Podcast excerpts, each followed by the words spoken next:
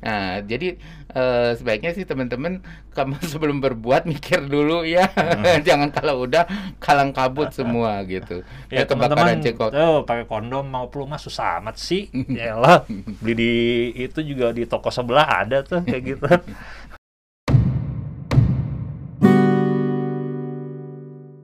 ya, teman-teman Indonesia tanpa stigma kembali lagi sama saya Patri Handoyo Kali ini saya ditemani sama Dr. Ronald Jonathan. Tahan dok.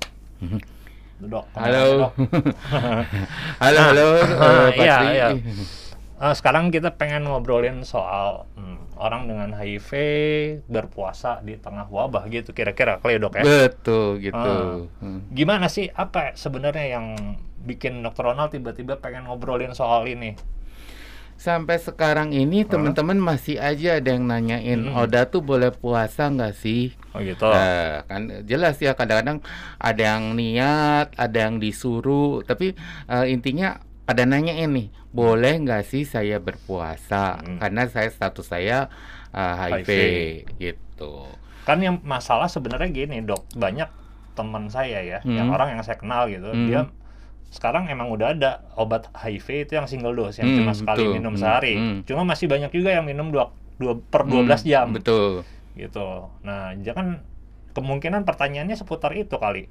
Ketika saya misalnya uh, minum obatnya jam 7 pagi, jam jam, hmm. jam 7 malam gitu. Kalau jam 7 pagi berarti saya harus batal dong minum obat gitu kan. Betul, kira-kira. betul, betul, betul. Itu nggak sih yang yang uh, kebanyakan ya masih banyak lah yang pakai yang, yang pakai per 12 uh. jam masih cukup banyak. Uh. Nah, karena kita prinsipnya walaupun udah ada obat yang sehari sekali, hmm. kita uh, kalau hasilnya bagus ya nggak langsung diganti lah. Artinya kalau mirip misalnya viral loadnya masih undetected, ya hmm. dia masih tetap pakai yang per 12 jam. Hmm. Prinsipnya kan don't change the winning team okay, gitu. Yeah. Jadi uh, kalau yang per 24 jam sih sebetulnya nggak terlalu bermasalah Masalah. walaupun kemarin ada yang lucu juga sih. Gimana tuh? Dok, saya minum jam 9 tapi uh, karena karena pagi terus subuh jadinya saya sekarang uh, bangunnya harus pagi mm-hmm. pusing saya katanya hmm, teler nih karena, karena saya jatuh uh, jadi ah. saya biasanya uh, pusingnya tuh jam 12 malam ya hmm. waktu dia masih pakai yang uh, tenofovir, lamivudin, efavirenz. Okay. Nah, saya, dia tanya boleh nggak saya bahasa, geser ke jam bahasa, 6 bahasa ini ya, hmm. bahasa apa farmakologi ya. hmm. ya. Jadi itu nama obatnya kan yang evavirens. Ah, nah, itu dia, yang bikin ngantuk tuh ya. Iya, yang bikin ngantuk. Jadi ah. dia uh, akhirnya memutuskan geser jam 6. Jadi harapannya dia ngantuknya di jam 9 dan ketika dia sahur nggak hmm. teler udah nggak teler lagi hmm. gitu. Hmm. hmm. Nah, yang rame itu kan yang per 12 jam. Hmm. Nah, yang per 12 jam itu hmm Uh, boleh-boleh aja sih sebetulnya kalau mau minum uh, artinya kalau mau puasa. Nah, ah. caranya adalah minum obatnya pas uh, buka, buka dan pas imsak hmm. gitu. Hmm. Nah, orang nanya kalau gitu nggak per 12 jam, jam. Nah, nggak sebetulnya kalau udah stabil sih nggak bermasalah. Yang penting nanti habis lebaran balik lagi. Oke. Okay. Oh hmm, gitu. Iya. Yeah. gitu ya. Uh. Jadi nggak nggak misalnya bangun biasanya jam 8 gitu ya hmm. bangun jam 8 eh, ya bangun tidur jam 6 gitu hmm. terus jam 8 minum obat dulu puasanya dilanjutin gitu nggak nggak gitu juga ya saya sih uh, kemarin saya dengar dari satu ustadz yang jelasin uh, uh. Uh, beliau ngomongnya gini kalau misalnya uh, uh, minum obat ya itu tetap aja yang dianggap nggak puasa. Sarannya uh. sih bayar vidya. Okay. Tapi kalau anda mau melakukan itu kata beliau uh. silakan saja dilanjut. Uh. Itu sebagai bentuk penghargaan terhadap bulan Ramadan uh. begitu. Tapi intinya adalah kalau memang belum bisa ya silakan bayar vidya. Nah, mungkin orang nanya syaratnya apa sih sebenarnya? Uh, -huh. Syaratnya sih sebenarnya satu tentu dalam keadaan sehat. Uh -huh. uh, sebelum-sebelumnya uh, memang persyaratannya dianjurkan kalau CD4 udah di atas 250 lah istilahnya. Okay. kekebalan tubuhnya itu ya 250. 50. Uh. Uh, tetapi sebenarnya dari semua itu yang paling penting orang Niatnya mesti sih, iya, ikhlas sama gitu. niat gitu. Ah. Kalau udah ngeganjel ntar pasti banyak keluhan yeah. gitu. Mahlah kambuh, enek lah, muntah lah. Soalnya ada juga sih teman-teman uh, sebetulnya saya juga ada sih beberapa temen yang saking niatnya waktu itu keadaannya CD4-nya di bawah 200 -hmm. sebetulnya tidak memenuhi syarat, syarat tapi dia niat, niat banget. Kita kan nggak bisa menghalangi orang yang niat ya. Iya, iya. Akhirnya uh, dia memutuskan ikut. Eh, udah udah udah lebaran sebulan kemudian diperiksa kok ya CD4-nya membaik ya walaupun hmm. uh, naiknya nggak terlalu uh, banyak uh. tetapi intinya orangnya sehat hmm. dia keli kelihatannya happy dia bilang aduh ternyata saya bisa sehat juga ya saya bisa puasa penuh ya. Nah, tapi kan orangnya niat ini konteksnya. Iya. Jadi uh, sebenarnya sih prinsipnya adalah di niatnya itu mm -hmm. sih. Iya, Jadi kalau uh, walaupun CD4-nya bawah 200, kalau keadaannya memungkinkan misalnya uh, ya cuma jamur di lidah ya itu masih bisa lah uh. itunya. Tapi kalau meningitis ya jangan oh, kalau radang okay, selaput okay. otak nggak sadar. Dok, dok, dulu dok. Gini kan uh, banyak uh, pasien yang HIV ya hmm. orang dengan HIV hmm. ini hmm. ini udah pada minum obat kan betul gitu hmm. dengan dia minum obat berarti nggak nggak kena dong meningitis itu betul ya kan uh, betul tapi kan masih sampai sekarang uh, ironisnya masih huh? tetap aja ada yang datang telat ke oh datang telat oke okay. ya, berarti datang... dia belum minum obat jadi salah satu syarat puasa untuk uh, orang yang HIV sudah, itu sudah, sudah minum, minum obat, obat. Oh, oke okay. Ya gitu. Jadi teman-teman yang HIV dan belum minum obat ya minum obat dulu gitu ya, ya biasanya makanya kalau kena sakit-sakit itu meningitis lah ya itu diobatin dulu oh, jangan puas. ya, ya kalau meningitis ya boro-boro bisa puasa ya yang iya. ada nyeri kepala hebat gitu. nah intinya sih eh, beberapa itu kadang-kadang meningitis tuh radang radang selaput otak, otak kan? gitu jadi uh, kadang-kadang teman-teman itu uh, datangnya telat gitu. Jadi hmm. mungkin kan ada juga tuh yang baru minum ARV-nya satu bulan. Hmm. Kemarin juga udah ada yang nanya, dok ini saya CD4-nya atau kekebalan saya cuma berapa? 50. Oke. Okay. Uh, kemudian saya lagi minum obat TB baru jalan uh, sebulan hmm. terus baru mulai ARV. Boleh nggak saya puasa? Saya bilang kalau saya sebagai dokter tidak menganjurkan yeah. dulu soalnya kamu kan belum penyesuaian nanti kalau ada efek samping ribet hmm. gitu ya. Maksudnya kita harus tanganin dulu, kita lihat dulu kamu uh, gimana nih uh, obatnya kan oh, ada obat TB ntar masuk lagi uh, antiretroviral obat buat HIV-nya kira-kira uh, ada masalah enggak gitu hmm. kalau dia nanti udah. Nah, saya bilang sih tunggu dulu deh tahun depan aja gitu puasanya. Hmm. Terus gimana mau dia? yang ini sih mau, soalnya oh, nurut ya, nurut, nurut. Dia, dia bilang, dia, dia bilang dia dapat kompensasi nggak puasa, nurut. itu kata lo loh ya, bukan kata dia.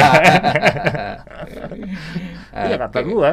Gua kalau dapat kompensasi gitu nurut gua. tapi dia sebenarnya niat sih. Oh gitu. Makanya nanya oh, juga makanya niat. Juga, ya.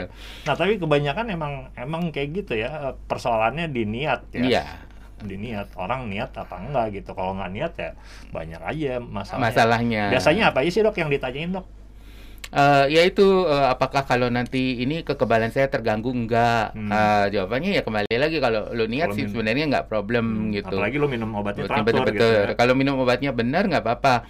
Ya uh, kalau mau ideal sih sebenarnya uh, buat teman-teman artinya gini kalau yang mulai ARV-nya uh, kayak sekarang gini sih sebenarnya nggak bermasalah udah obatnya hmm. cuma sehari sekali banyak kan ketemu juga masih sehat-sehat gitu itu nggak ada alasan sih sebetulnya kalau untuk tidak berpuasa tapi ini kan kita bicara terutama konteksnya kalau mereka yang uh, dalam keadaan uh, sakit ya seperti itu hmm. atau uh, kelihatannya nggak fit fit amat iya. lah untuk okay. itu artinya kan disebutnya juga deng orang dengan HIV artinya hmm. dia nggak sakit kan bukan hmm. penderita hmm. gitu ya hmm tidak dalam keadaan sakit kecuali hmm. dia dalam keadaan sakit, sakit dia dapat kompensasi untuk tidak berpuasa Basa, gitu kira-kira. Ya, tapi itu pesan dari Pak Ustadznya hmm. harus bayar vidya sebaik kalau bisa sih bayar bukan harus ya kalau bisa sih bayar vidya. Kalau tidak berpuasa. Ya, kalau ketika tidak sakit berpuasa, itu ya. iyalah, iya iya itu mah saya tidak bukan ahli mm ini juga ahli agama gitu, mm tapi ya setahu saya sih gitu. Kalau dalam keadaan sakit tidak berpuasa ya tetap bayar vidya gitu.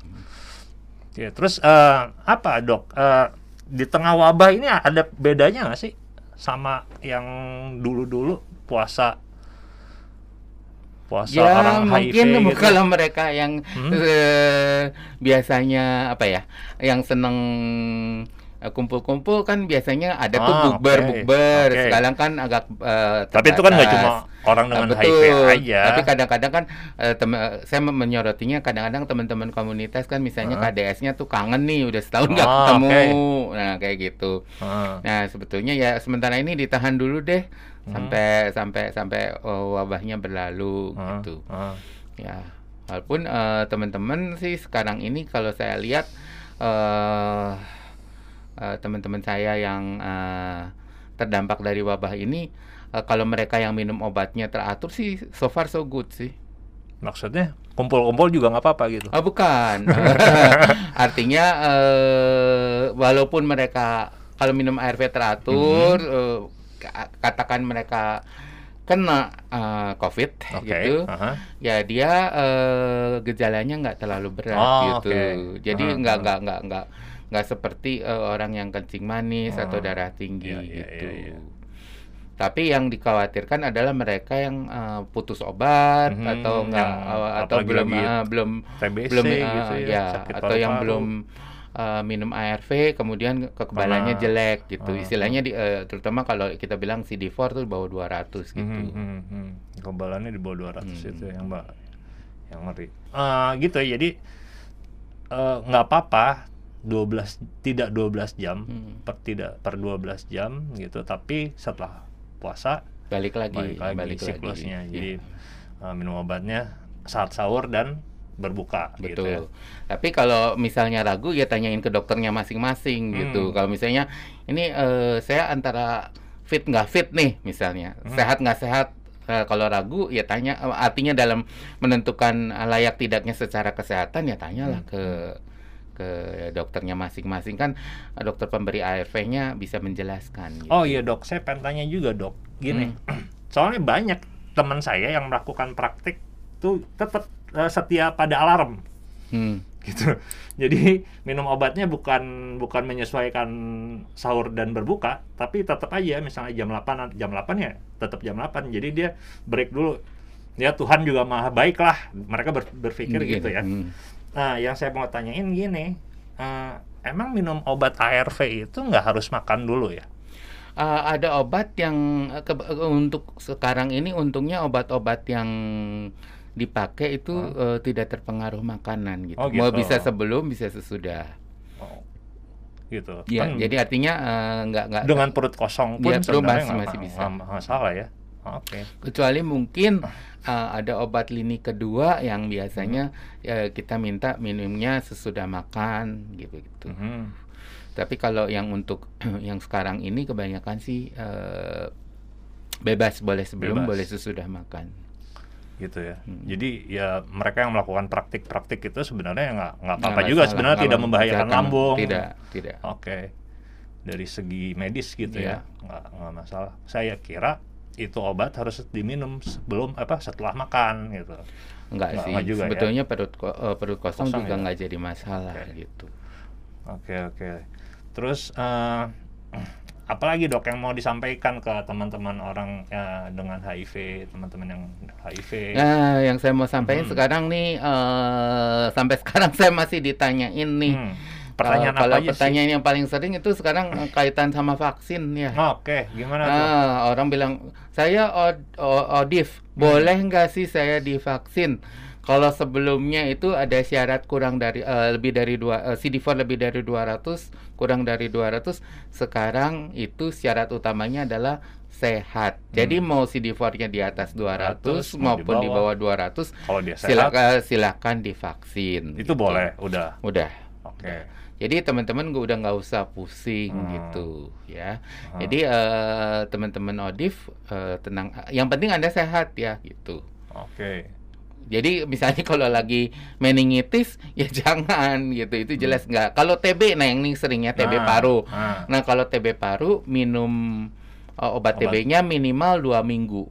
Setelah dua minggu. Setelah dua minggu boleh boleh, boleh, boleh, boleh divaksin. Gitu. Oke. Alasannya apa dok? Nah dua dua minggu itu uh, arti kenapa mereka harus harus, harus minum dua obat minggu dua dulu. minggu karena kan dalam dua minggu itu mereka kan uh, masih dalam uh, fase penyesuaian terus oh. kemudian kan untuk penularan juga okay. kan seperti itu nah, jadi kalau dua minggu dia gitu ya. anggapnya mereka sudah bisa menyesuaikan diri hmm. dan resiko menularkannya juga udah jauh lebih kecil walaupun mereka menggunakan masker hmm, begitu hmm, hmm. Oh, gitu terus apa lagi dok yang banyak ditanyain akhir-akhir ini eh uh, selain hmm. vaksin selain vaksin. yang paling sering itu yang saya paling pusing itu adalah sekarang orang yang sudah di dia udah udah ini bukan odif, tetapi orang-orang yang sudah dites uh -huh. HIV hasilnya negatif masih penasaran. Apakah benar atau tidak? Dan itu uh, lumayan memusingkan. Oh ya, gimana tuh, Dok? Menarik jadi, tuh, jadi eh, mereka hasilnya sebetulnya sudah negatif, negatif tapi kayaknya nggak percaya. uh, percaya gitu. Nanya-nanya. Jadi saya harus jelaskan. Jadi kalau sekarang ini saya udah ngomong berulang-ulang nih ya. Uh. tapi terpaksa saya ulang lagi supaya teman-teman lebih paham. Emang jadi, risikonya dari mana mereka yang tanya ke dokter uh, biasanya seks. seks. Oke. Okay. ya oke. Okay. berarti nggak pernah pakai kondom lah ya mereka kira-kira ya, gitu. begitu. Okay. jadi intinya uh. adalah uh, mereka uh, melakukan perilaku resiko Kemudian pas eh, inilah berselancar di sosial media hmm. dapatlah blog-blog yang macam-macam gitu hmm. dan dia akhirnya nyocok-nyocokin gitu hmm. nah sekarang bayangkan uh, baru aja ml masa dua minggu kemudian uh, udah jamuran di lidah gitu kan. Jadi ya banyak yang absurd gitu istilahnya. Udah hasilnya negatif. Terus tiba-tiba nanti dok ini kok saya lidah saya sudah berjamur. Astaga saya bilang kalaupun masa jendela uh, itu kan eh, jamur itu kan masih bulan bisa dulu kali ya. Bertahun-tahun kadang-kadang. Oh, bertahun-tahun ya. hmm, ya. kecuali memang kamu dasarnya sudah HIV gitu hmm, itu lain hmm, cerita. Hmm. tapi ini intinya adalah mereka sudah negatif. Mungkin saya perlu jelasin sekarang kalau bawa kalau yang di puskesmas itu kita hmm. pakai generasi ketiga hmm. kalau generasi ketiga itu sebetulnya sih uh, dalam uh, 6 sampai 8 uh, minggu itu juga sebetulnya udah positif sih kalau memang dia itu masa jendelanya. masa jendelanya harus nunggu enam bulan. nggak usah nunggu enam bulan. Ah. sekarang sebetulnya 6 sampai 8 minggu, minggu juga udah 8 minggu udah bisa penularan itu udah bisa ditemukan kan, antibodinya ya, ya betul. Ah, okay. nah sekarang kalau di uh, lab swasta tertentu atau di uh, instansi tertentu udah masuk lagi ke generasi uh, 4 gitu okay. ya generasi 4 itu lebih pendek lagi. Lebih pendek lagi, lebih pendek lagi itu bahkan uh, bisa sekitar Eh, empat lah empat sampai enam minggu hmm. gitu. Okay. Tapi begini saya sih bilang daripada teman-teman senai karena ada yang lucu bukan lucu jadi uh, mungkin saking senewannya ya hmm. dok saya itu melakukan tes di hari ke 71 dok saya melakukan tes di hari ke 400 saya bilang bisa.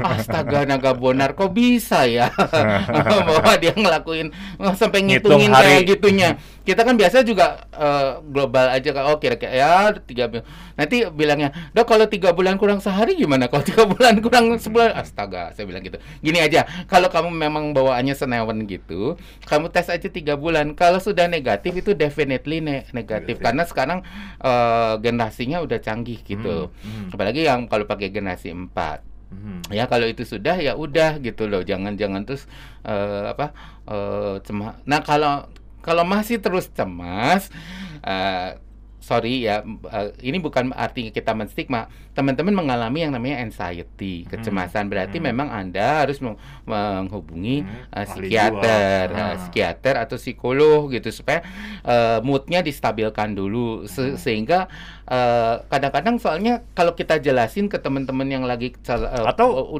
cemas gitu. Uh -huh mental. Atau kenapa sih nggak disaranin aja? Lo kalau nge-seks pakai kondom aja sama pelumas gitu. Sudah dikasih tahu hmm. tapi kadang-kadang kan mereka bilang ah nggak mau do uh, yang yang alasannya klasik gitu ya. Hilaf dok ya. gitu, gitu gitu. Ya sudah kalau kayak gitu. Terus gimana? Udah udah kejadian. Ya, iya kan? Nah, saya bilang ya sudah kalau kayak gitu ya kamu uh, dan yang kedua uh, adalah tolong jangan uh, cari infonya tuh berselancar kebanyakan itu ada yang sampai nggak kerja hmm. dari jam 8 sampai 5 baca info, iya. info baca blog nah yang parah itu adalah pengalaman orang dijadi di dicocok-cocokin hmm. ke dirinya iya, jadi cocokologi ya cocokologi hmm. betul hmm.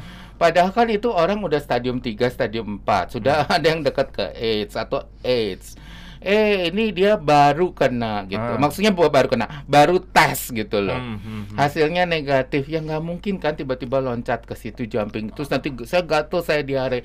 Saya selalu bilang, Anda kalau orang cemas itu hmm. pasti suka mencret. Hmm. Iya, hmm. gampang aja kalau kita dulu mau ujian kan suka mencret, hmm. ya mau ke WC, ya, ya, ya keringat ya, dingin, ya. iya. Gejala cemas. Nah, sebenarnya sama aja, tapi dia kan nah mencret kan di di, di HIV stadium 3 kan ada dia iya. cocok-cocokin gitu. Uh.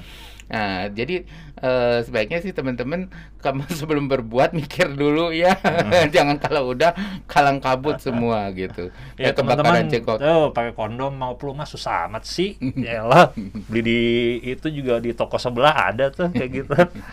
pelumas, kondom gitu ya dok ya udah tersedia, gampang belinya juga udah nggak malu lagi sekarang.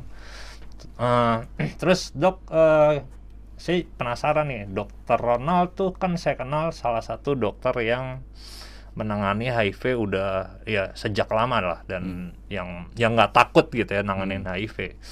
Uh, ada perbedaan nggak sih dok dari zaman dulu tahun berapa ya 2000-an awal 2004 gitu ya? saya mulai 2000-an awal sampai sekarang 2020-an ini ada perbedaan nggak sih uh, di rumah sakit di apa fasilitas-fasilitas oh, kesehatan. Jelas ya? Jelas. Ada banyak ya. uh, sekarang uh, kalau dulu uh, istilahnya dokternya masih bisa uh, dihitung jari or orangnya empat ya, L lu lagi lu ah, lagi, lagi gitu. lagi, dokter Ronald dokter ini dokter siapa?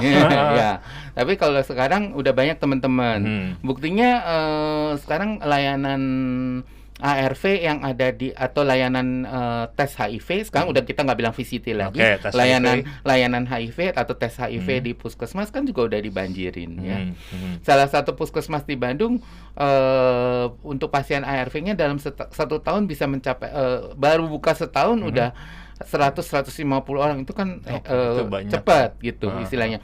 Jadi artinya petugas juga sudah uh, berku jauh berkurang hmm. untuk masalah stigma dan diskriminasinya.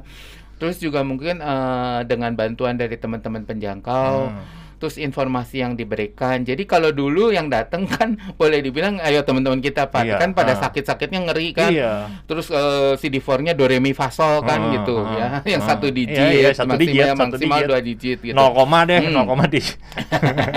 kalau sekarang kan banyak juga yang kita dapat oh CD4 masih 360, hmm, 400, hmm. bahkan ada yang masih 600 hmm, gitu hmm, atau 500 nah, gitu. tes CD4 tuh masih musim ya? Uh, ah, CD4 itu sekarang sebetulnya udah udah nggak musim uh, kan? Uh, karena ya, udah nggak di kalau dulu kan dibutuhkan karena untuk obat ya. Hmm. Itu sebelum segini dulu ya. Hmm. Sekarang kan ketika tes positif langsung diobatin Betul, kan? jadi uh. namanya tes and treat uh. kan. Mau CD4-nya 2 hmm, atau mau mau 1000 500 gitu. Uh, tetap diobatin. Tetap Cuma yang ngebedain adalah ada penyakit penyertanya enggak. Hmm, Kalau okay. dia misalnya ada TB kan harus diobatin dulu dua minggu sampai 8 minggu baru ARV-nya masuk. Hmm, hmm. Terus kalau misalnya dia ada uh, radang selaput otak itu kan hmm. juga ditanganin dulu ya, ya misalnya sekitar satu setengah bulan baru ARV-nya masuk misalnya ah, seperti ah, itu. Ah. Jadi uh, tapi intinya sih jauh berubah ya kayak jam uh, zamannya kami uh, wak, bukan zaman kami uh, waktu 2004 dan awal ya. Uh, 2000-an itu kan rumah sakitnya terbatas. Uh, Sekarang kan hampir semua rumah sakit sudah uh, melayani hmm, gitu. Terus hmm. uh, puskesmas lah sekarang yang yang uh, uh, udah mulai udah banyak mulai di uh, banyak dari disasar ya, orang-orang. Hmm. Nah, itu dari segi layanan. Kalau dari segi pasiennya gimana, Dok? Uh, kalau dari uh, kelompok resikonya memang hmm. shifting ya. Kalau waktu saya di 2004 okay. banyak, banyak penasun, nah. kalau sekarang banyak LSL, LSL. ya. Uh, lelaki yang berhubungan seks dengan lelaki, lelaki ya, ya. atau atau uh, kita kenal dengan istilah gay, gay. mungkin lebih gampang uh. gitu. Itu sih yang yang berubah. Kemudian obat kalau dulu per 12 jam, hmm, sekarang, sekarang uh, udah 24 jam. 24 jam dan uh, obat tunggal. Nah, ini dok yang cukup mengkhawatir. Ya, saya sih karena kan apa namanya uh, antara hidup ya kehidupan ya. Ini ini soal kehidupan. Hmm. Angka kematian dok menurun nggak sih dari zamannya dokter dulu 2000-an awal itu sekarang sampai sekarang? Angka kematiannya sih sebenarnya menurun. Menurun. Menurun. Kalau dulu bisa signifikan men penurunan. Cukup, oh ya, cukup. Di Indonesia. Ya itu di di di, di ada negara-negara yang sudah mengakses ARV uh-huh. dengan baik uh-huh. itu jelas angkanya nurun. Oh iya. Hmm. Makanya kalau kalau dulu eh, kalau kita lihat eh, data dari Kemenkes hmm. kalau di uh, awal-awal tuh sekitar dua maksudnya dari dari tahun 90-an lah sampai 2000-an gitu kan 2000 awal gitu kan masih angka AIDS-nya lebih tinggi dari HIV-nya ya. Hmm. Kalau sekarang HIV-nya lebih tinggi daripada AIDS-nya. Okay. Sedangkan kalau apa uh, yang meninggal kan kebanyakan kan karena mereka sudah di stadium AIDS begitu. Hmm. hmm, hmm. Itu jauh menurun ya, Dok? Jauh, jauh. Oke. Okay uh, jauh menurun. Uh, cuma memang masih patut disayangkan bahwa masih di, uh, di, di zaman sekarang ini masih banyak yang terlambat. Yang terlambat. Kemarin saya uh, ini saya baru baru ada uh, ada orang lah ya yang saya uh, kenal itu hmm. uh, sudah ketahuan dari 2015. Hmm. Tapi ditunda-tunda dulu karena dia uh, menjalani uh, pengobatan alternatif. Oke. Okay dan datang sekarang sudah dalam keadaan CD4 7. Hmm. Hmm. Padahal waktu saya lihat data awalnya CD4 ini masih 350. Hmm. Hmm. Hmm. gitu, artinya gitu. Uh, ya kasus-kasus itu masih, masih ada. ada. Ya, masih. Uh, jadi kadang-kadang teman-teman pikir nanti oh, oh, oh selalu bilangnya kan ah obat alternatif itu bukan obat kimia ya teman-teman yang namanya hmm. herbal itu juga kimia, kimia. yang kimia juga awalnya dari herbal gitu ya kayak misalnya obat-obat obat malaria aja kan ya hmm. artemisin itu cinghausu itu kan dari tanaman jelas hmm. atau yang jangan jauh-jauh lah kalau obat yang itu di ini aja kita ke Yunghun ya ke Lembang tuh kan ada yang kina ya hmm. Hmm. itu kan tanaman iya. gitu jadi eh, jangan termakan provokasi ya teman-teman gitu.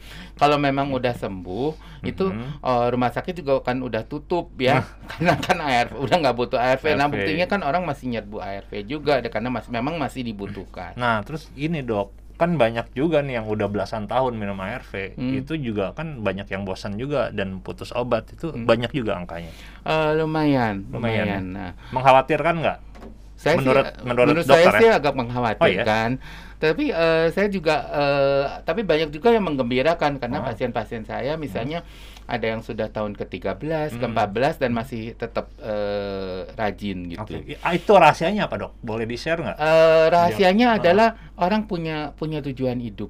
Hmm. Hmm.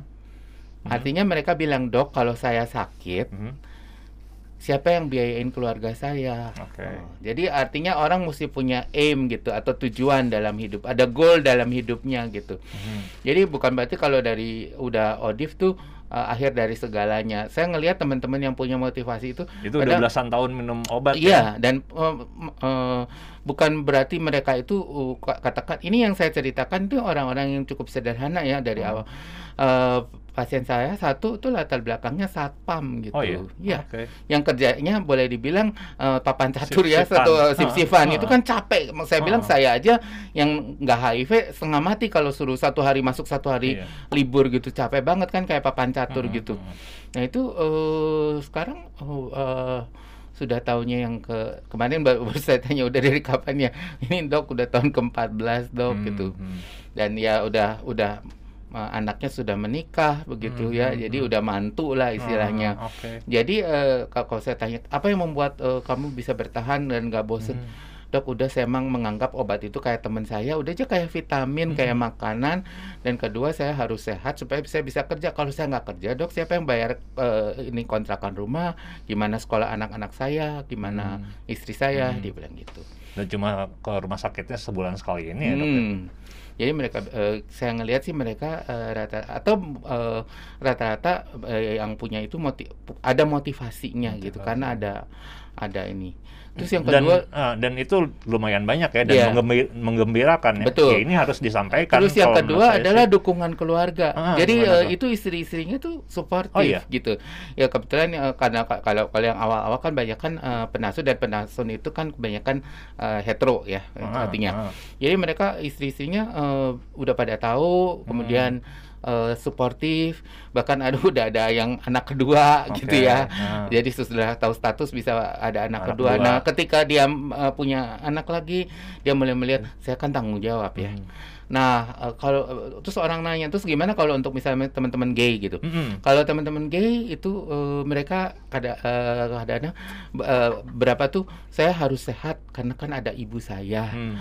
Atau saya ngebiayain ponakan, Dok, gitu. Ponakan mm. saya kan uh, harus sekolah yeah. atau saya masih bisa bermanfaat. Ya, dia oke, okay, artinya ada value gitu, ada, ada, ya, ada arti kehidupannya kan, buat dia sehingga ya minum terus saja hmm. ARV. Dan eh, jangan Supaya berpikir itu. bahwa ini hanya untuk kalangan atas saja ya hmm. kayak kayak hmm. saya bilang satpam, uh, satpam ada. terus ada satu lagi uh, man, uh, ibu-ibu mantan buruh gitu. Hmm. Buruh mantan buruh huh? uh, buruh pabrik ya sekarang uh, udah udah nggak kerja PHK. tetapi uh, enggak itu memang udah lama memang dia ada pensiun. alasan tertentu hmm. uh, dia mengurus uh, keluarganya. Hmm.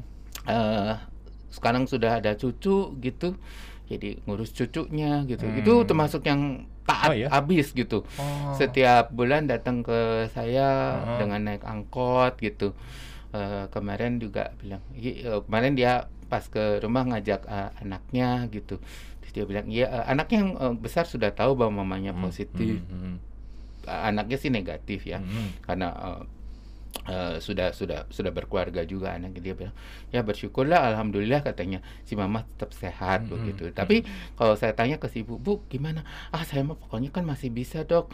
Udah pengen lihat cucu gede. Jadi semua ada tujuannya gitu. Walaupun ibu ini mungkin uh, kerja ya saya sekarang uh, jagain uh, ponakan-ponakan saya.